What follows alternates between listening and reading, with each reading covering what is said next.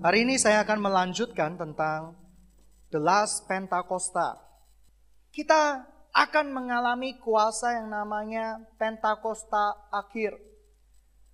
Saya review Pentakosta pertama yaitu di zaman kisah para rasul di perjanjian baru.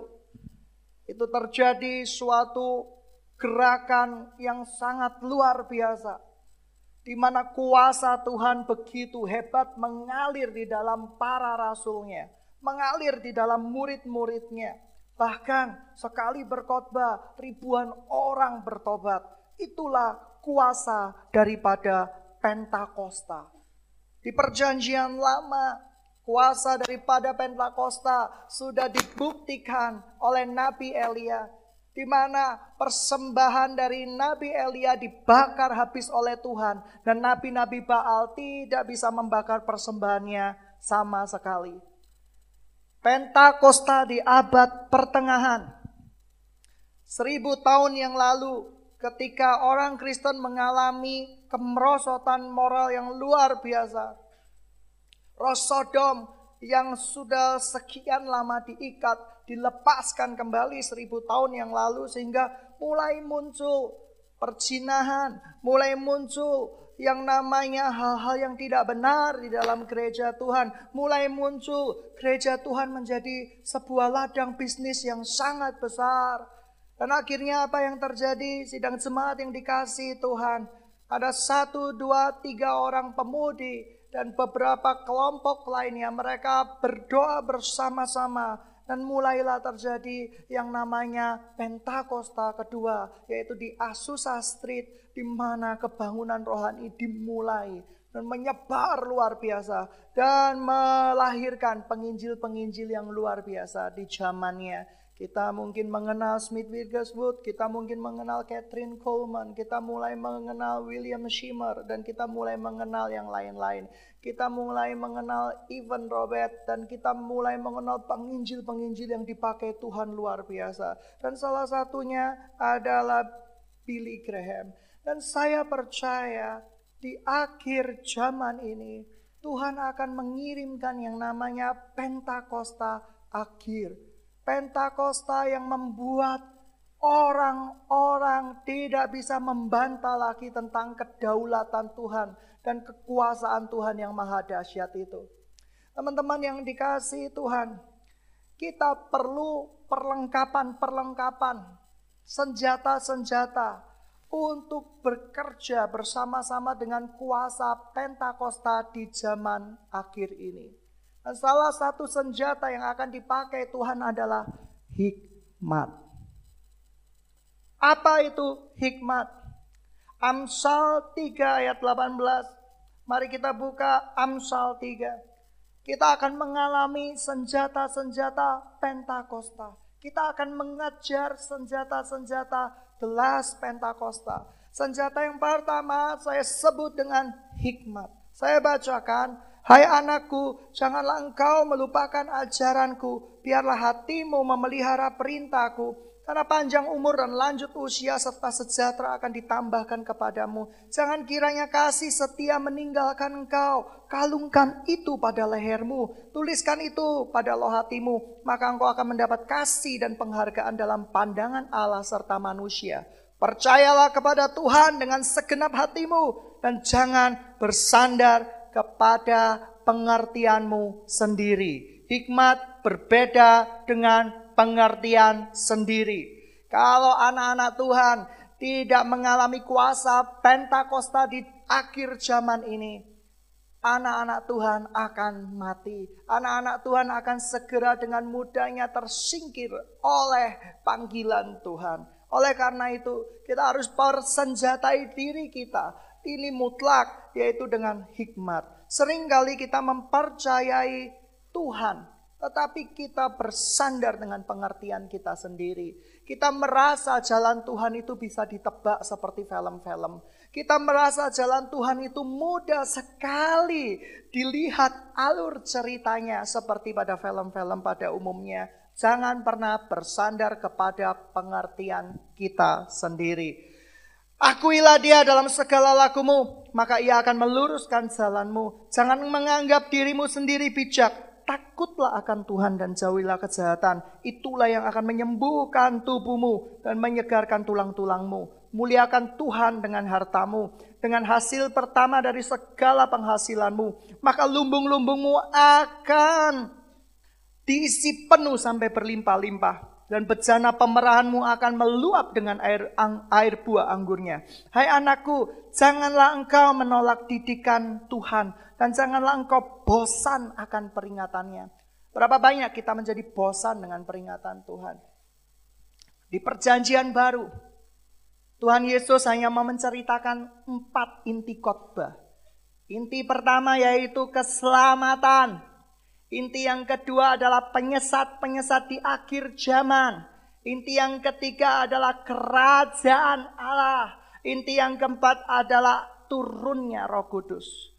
Dan Tuhan Yesus selama tiga setengah tahun mengulang-ulang pengajarannya menjadi empat bagian tersebut. Berapa banyak kita ketika datang ke gereja, kita mulai bosan, ini gereja CMC ceritanya tentang nabi palsu melulu. Ini gereja CMC ceritanya tentang nggak boleh gini, nggak boleh gitu, nggak boleh gitu. Saya mau yang segar-segar. Saya mau lucu-lucu. Anda kalau mau lucu-lucu kita undang stand up comedy. Amin. Gitu ya kan Anda, saya mau yang segar-segar. Saya akan merencanakan undang artis Korea, tapi Anda yang bayar tiketnya. Gitu ya. Tetapi firman Tuhan adalah ya dan amin. Janganlah engkau bosan dengan didikan Tuhan. Gereja Tuhan memiliki empat inti daripada pemberitaan firman Tuhan seperti yang Yesus beritakan, yaitu tentang keselamatan. Biasanya para penginjil suka berbicara tentang keselamatan. Yang kedua, berbicara tentang apa? Pertobatan, berbicara tentang kerajaan Tuhan, berbicara tentang Roh Kudus yang akan menuntun, membimbing kita sampai pada akhirnya. Begitu banyak orang yang tidak bisa dijamati Tuhan karena ngeyelnya lebih gede daripada penyerahannya. Ingin membuktikan kita benar, ingin membuktikan bahwa kita adalah orang yang tidak salah. Padahal firman Tuhan berkata semua orang tidak ada yang benar. Semua orang tidak ada yang benar menurut mata Tuhan. Orang benar adalah orang yang benar menurut pandangannya sendiri. Dan orang-orang tersebut akan susah mengalami revival dari Tuhan. Karena kita ini tidak rendah hati. Tuhan akan membela kita. Bukan berarti membela buta. Kamu salah dibela terus. Tidak. Pembela agung kita yaitu menyadarkan kita akan kesalahan-kesalahan kita. Pembela agung kita membawa kita ke arah pertobatan yang benar jadi jangan berpikir statement Yesus pembela kamu. Kamu buat dosa, kamu curi uang perusahaan, kamu akan dibela habis-habisan. No, tidak akan seperti itu. Yang dimaksud Yesus adalah pembela yang agung. Dia akan membela kamu, memperbaiki kamu, membuat kamu hidup di dalam kebenaran, membuat semua ego kamu diruntuhkan dan dibangun ego-ego yang murni dari Tuhan. Hari-hari ini Roh Sodom berbicara tentang apa? Kenajisan. Banyak hamba Tuhan jatuh di dalam dosa perjinahan. Kalau dulu perjinahan dengan sesama, uh, lawan jenis, sekarang perjinahan dengan sesama jenis. Jangan bergidik kamu. Mungkin kita udah bosen ilfil dengan yang namanya wanita tidak bisa pegang janji. Aku disakiti terus. Dengan pria aja lebih baik. Waduh, yang wanita juga seperti itu. Aduh, pria-pria, semakin rohani pria itu, semakin tidak bisa dipercaya. Baik rohani atau rohana, tidak bisa dipercaya. Lebih baik aku dengan wanita saja. Aman, bisa curhat, bisa mengerti perasaan-perasaanku. Hati-hati loh ya yang sudah punya pikiran-pikiran seperti itu. Ya, itu dosa kenajisan tingkat tinggi. Yang kedua, Rosodom berbicara tentang apa? Kecemaran. Yang ketiga, Rosodom berbicara tentang apa? Kuasa gelap. hari-hari ini marak dengan kuasa gelap, yaitu roh gendam, hipnotis. Bagaimana cara mengalahkan roh-roh gendam dan hipnotis? Tidak usah bikin seminar hari ini, tak kasih tahu caranya. Orang yang mudah digendam, itu orang yang apa sih? Orang yang pikirannya, pikirannya sangat-sangat segala sesuatu apa berkat itu bisa diperoleh dengan cara yang apa ya mudah. Hamba Tuhan pun bisa dikena gendam loh. Ada seorang hamba Tuhan digendam ya di sebuah bank. Hei, Pak, saya mau memberikan Bapak uang tunai 50 juta. Ini demi kerajaan Allah. Pak, serahkan ATM Bapak. Saya akan isi nomor pinnya berapa. Dikasih sama hamba Tuhan itu. Karena apa? Hamba Tuhannya sedang mikir. Ya, sedang mikir bagaimana ya pembangunan untuk gereja saya. Tiba-tiba muncul ada orang yang menawarkan bantuan. Itu dari Tuhan atau enggak? Dia langsung berkata itu dari Tuhan. Akibatnya apa? Dikuras habis keuangannya. Teman-teman yang dikasih Tuhan. Hasrat ingin cepat kaya membuat kita mudah digendam. Kenapa? Roh gendam itu masuknya itu dari apa sih? pikiran-pikiran yang irasional. Yesus adalah Tuhan yang supranatural, tetapi dia Allah yang natural juga. Artinya apa? Dia bekerja menurut hukum-hukum yang ada di muka bumi ini. Teman-teman yang dikasih Tuhan, kalau kita anak-anak Tuhan mengalami kuasa the last Pentakos, kamu nggak bisa digendam. Seberapa hebatnya pun orang menggendam kamu nggak akan bisa Sebab apa? Sebab kamu sudah punya tameng firman Tuhan. Jangan mudah berkahyal. Cewek-cewek mudah berkahyal. Cowok-cowok mudah berkahyal. Dapat lotre gratis, dapat undian dari bank-bank tertentu. Nah ya, mau kaya, mau diberkati, kerja. Ya, Jangan mengharapkan undian Carrefour, undian ini, undian itu. Jangan berharap. Kemungkinannya hanya satu banding apa? Kalau mau kerja, kamu kerja di dalam Tuhan. Kerja yang benar di dalam Tuhan. Kamu pasti diberkati. Amin. Amin. Tuh, aku kerja keras tuh, gak diberkati. Makanya ada firman Tuhan hari ini. Hikmat. Ya. Oke. Kita baca ke-13.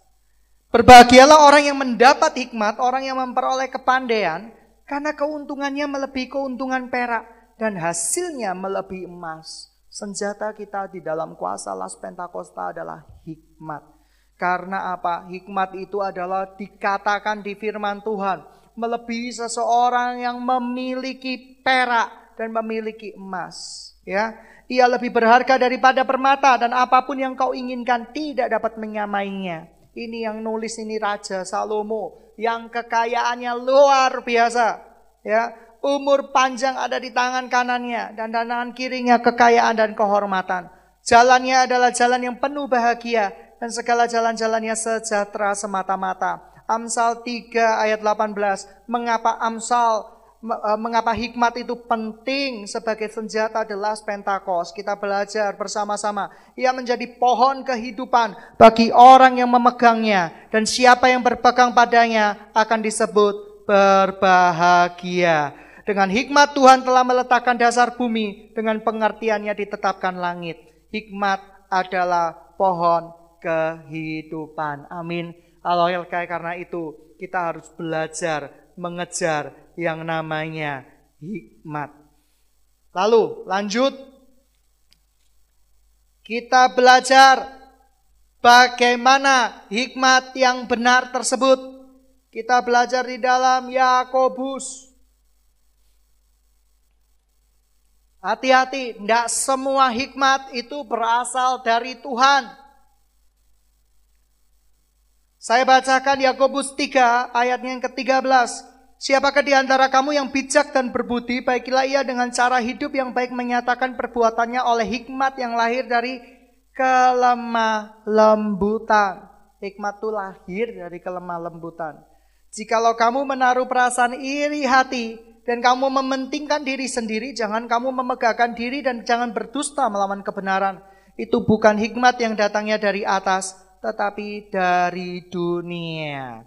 Kita garis bawahi hikmat dari dunia. Contoh hikmat dari dunia yaitu kamu masuk di dalam situs-situs perjodohan. Ingin dapat jodoh cepat, Anda harus dipublikasikan. Semakin terpublikasikan, semakin baik. Itu hikmat dari dunia. Hikmat dari dunia berkata apa? Ayo ikuti perusahaan ini tanpa kerja keras, tanpa apa pun Anda akan kaya dan Anda bodohnya percaya hikmat dari dunia. Hati-hati, kita sering kali pakai hikmat dari dunia. Ya, Anda sekarang bergaul karib bukan dengan Tuhan. Jadi kita perlu ada waktu-waktu istirahat di dalam Tuhan. Kita perlu ada yang namanya persekutuan yang dekat sama Tuhan. Kenapa orang muda digendam? Karena Android. Kenapa? Bukan hanya Android ya, BBM dan OS-OS lainnya gelombang Gelombang dari pon kamu adalah gelombang hipnotik loh. Hati-hati, televisi gelombang hipnotik dulu di pelajaran kekristenan zaman dulu.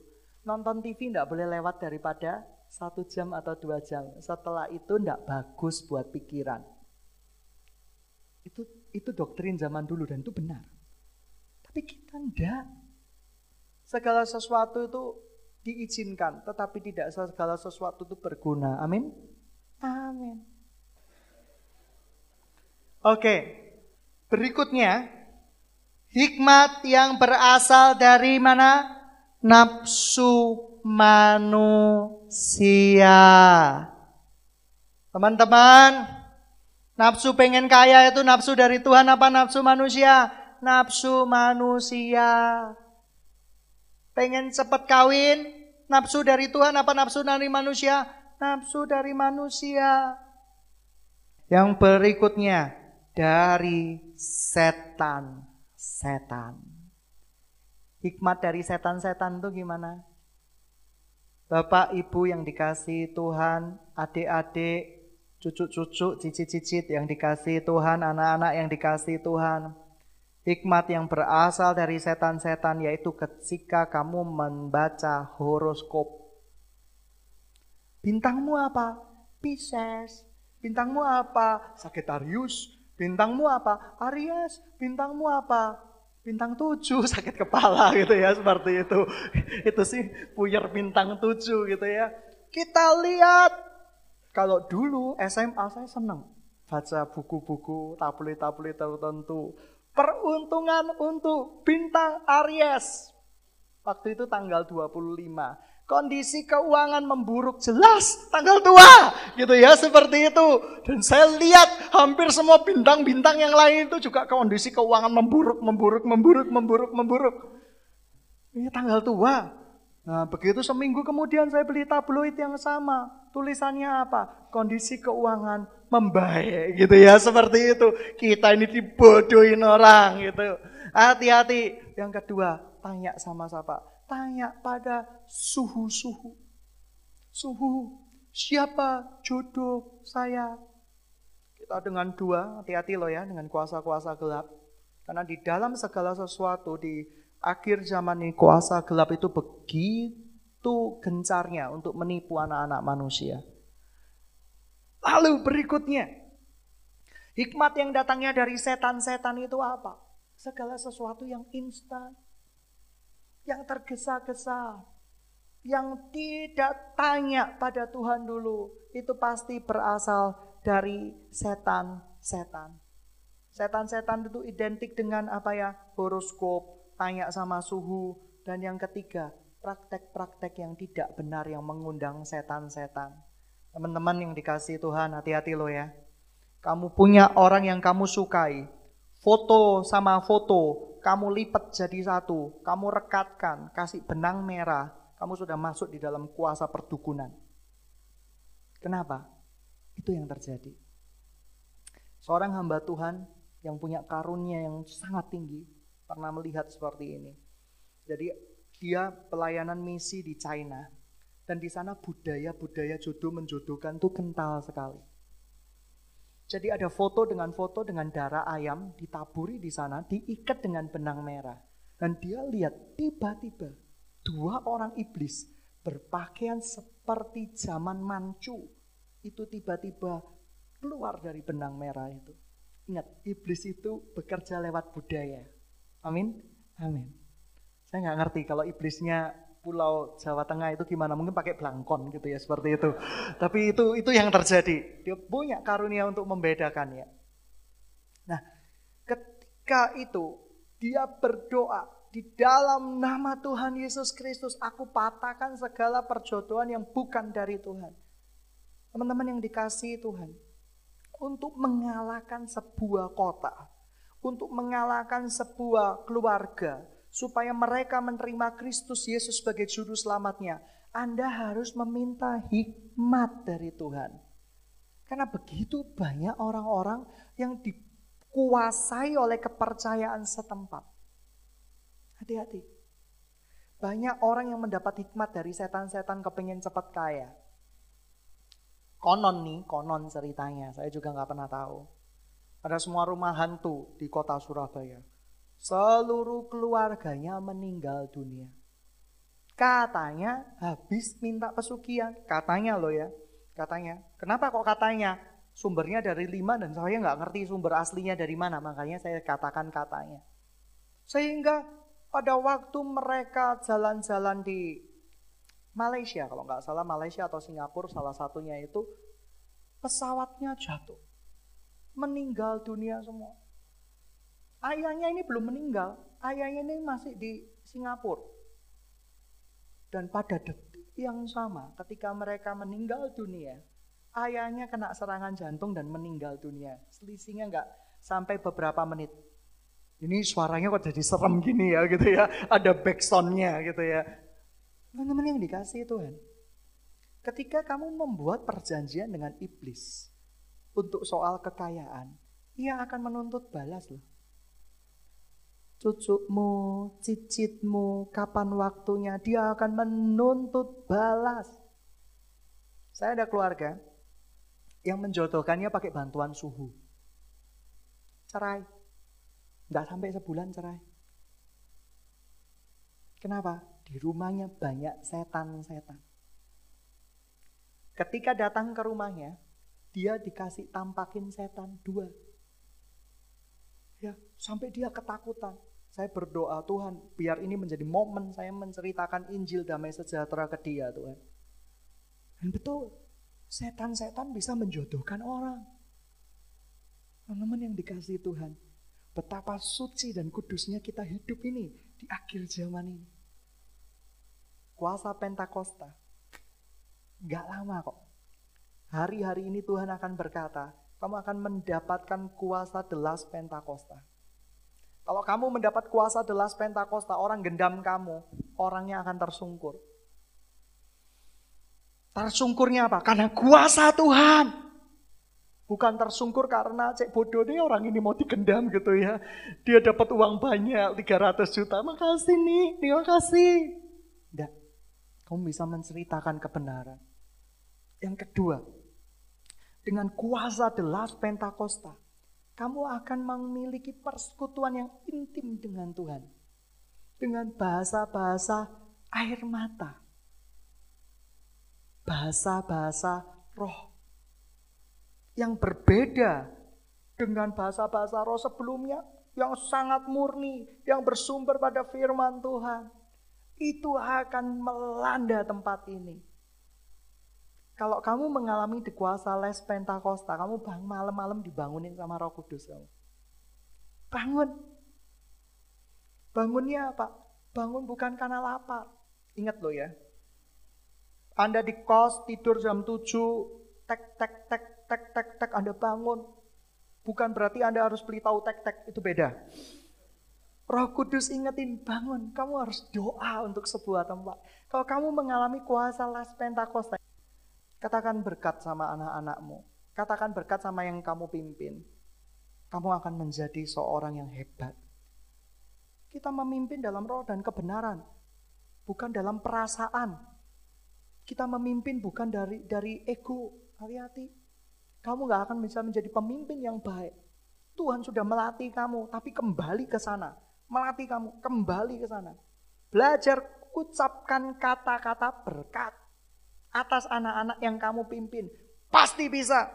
Mereka pasti menjadi pahlawan-pahlawan Tuhan yang gagah perkasa. Mereka pasti menjadi orang yang luar biasa. Ucapkan kata-kata berkat. Yang berikutnya dari hawa nafsu. Daud ketika menyembunyikan kejahatannya. Dia pakai hawa nafsu. Dia bunuh suami daripada Bathsheba untuk menutupi kejahatannya dari nafsu manusia dan dari setan-setan. Bangsa Israel bertanya pada berhala, itu berasal dari setan-setan. Sidang jemaat yang dikasih Tuhan. Las Pentakosta akan melanda gereja ini. Minta hikmat dari Tuhan. Kita akan berjalan. Ya, hikmat dari dunia mungkin berkata, besok-besok aja kalau anak-anak Tuhan sudah siap, besok-besok saja, lima tahun kemudian aja kamu dirikan cabang-cabang. Tapi kuasa Las Pentakosta berkata apa? Aku yang akan menjamin kehidupan mereka. Aku yang akan membakar kehidupan mereka. Amin. Mau mengalami kuasa atas Pentakosta? Pentakosta zaman akhir. Kamu akan mengalami, kamu akan bisa menciptakan lagu-lagu baru. Kamu bisa menciptakan tari-tarian baru. Berapa waktu yang lalu guru-guru saya kumpulin. Guru-guru inti yang sudah dengan masa bakti beberapa tahun. Mau punya rumah, Mau kok. Cara belinya pakai apa? Pakai uang, masa ngerampok. Lalu caranya gimana? Doa. Doa minta hikmat dari Tuhan. Yang kedua apa? Tetap minta hikmat dari Tuhan. Kita percaya bisa. Caranya minta hikmat dari Tuhan apa? Tuhan akan memberikan hikmat bagaimana kita cara mendapatkan berkat dengan cara yang benar. Saya percaya. Tamburin, tamburin. Kamu akan mengalami kuasa delas Pentakosta. Tamburin-tamburinmu akan penuh dengan tari-tarian baru. Dan orang akan menganggap aneh. Kok tari-tarian gak seperti biasanya? Tuhan kita memang gak harus monoton. Tuhan kita adalah Tuhan yang luar biasa. Kamu orang-orang yang dipakai Tuhan loh. Orang-orang Las Pentakosta kamu bisa menyerap tenaga kerja banyak. Saya berdoa tempat-tempat ini. Orang punya tenaga kerja sampai seribu orang. Uh, mengalami kuasa las Pentakosta. Dan seribu-seribunya bertobat mengenal Tuhan Yesus. Dahsyat gak? Dahsyat. Bisa gak terjadi? Bisa. Mungkin gak terjadi? Mungkin.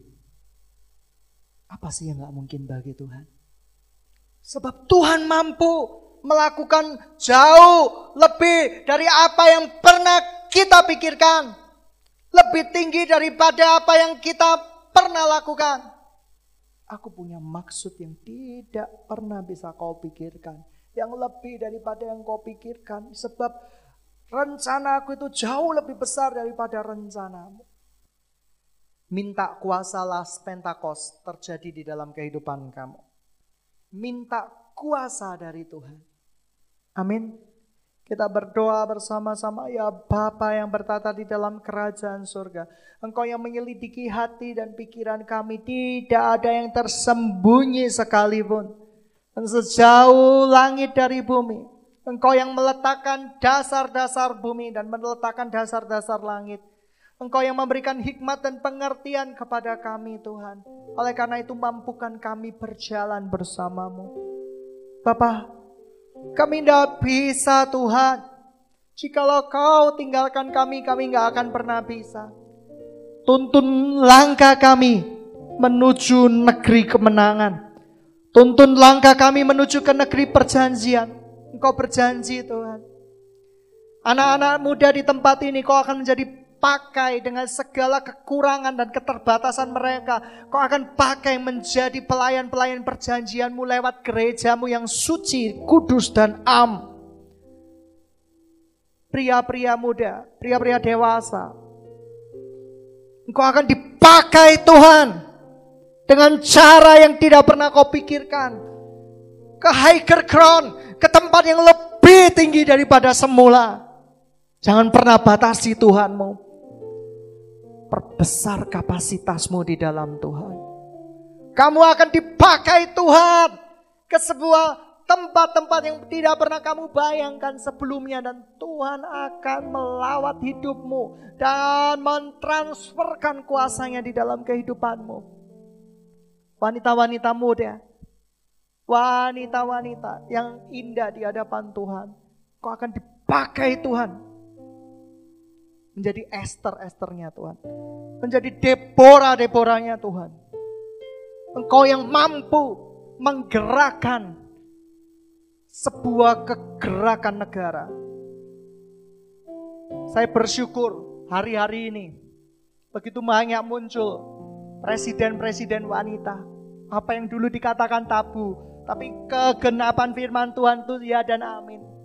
Agak akhir zaman, Tuhan akan bangkitkan nabi-nabinya. Tuhan akan bangkitkan anak-anaknya. Tuhan akan bangkitkan pemuda-pemudinya untuk memimpin banyak kegerakan. Oleh karena itu jangan batasi Tuhan. Percaya kepada Tuhan.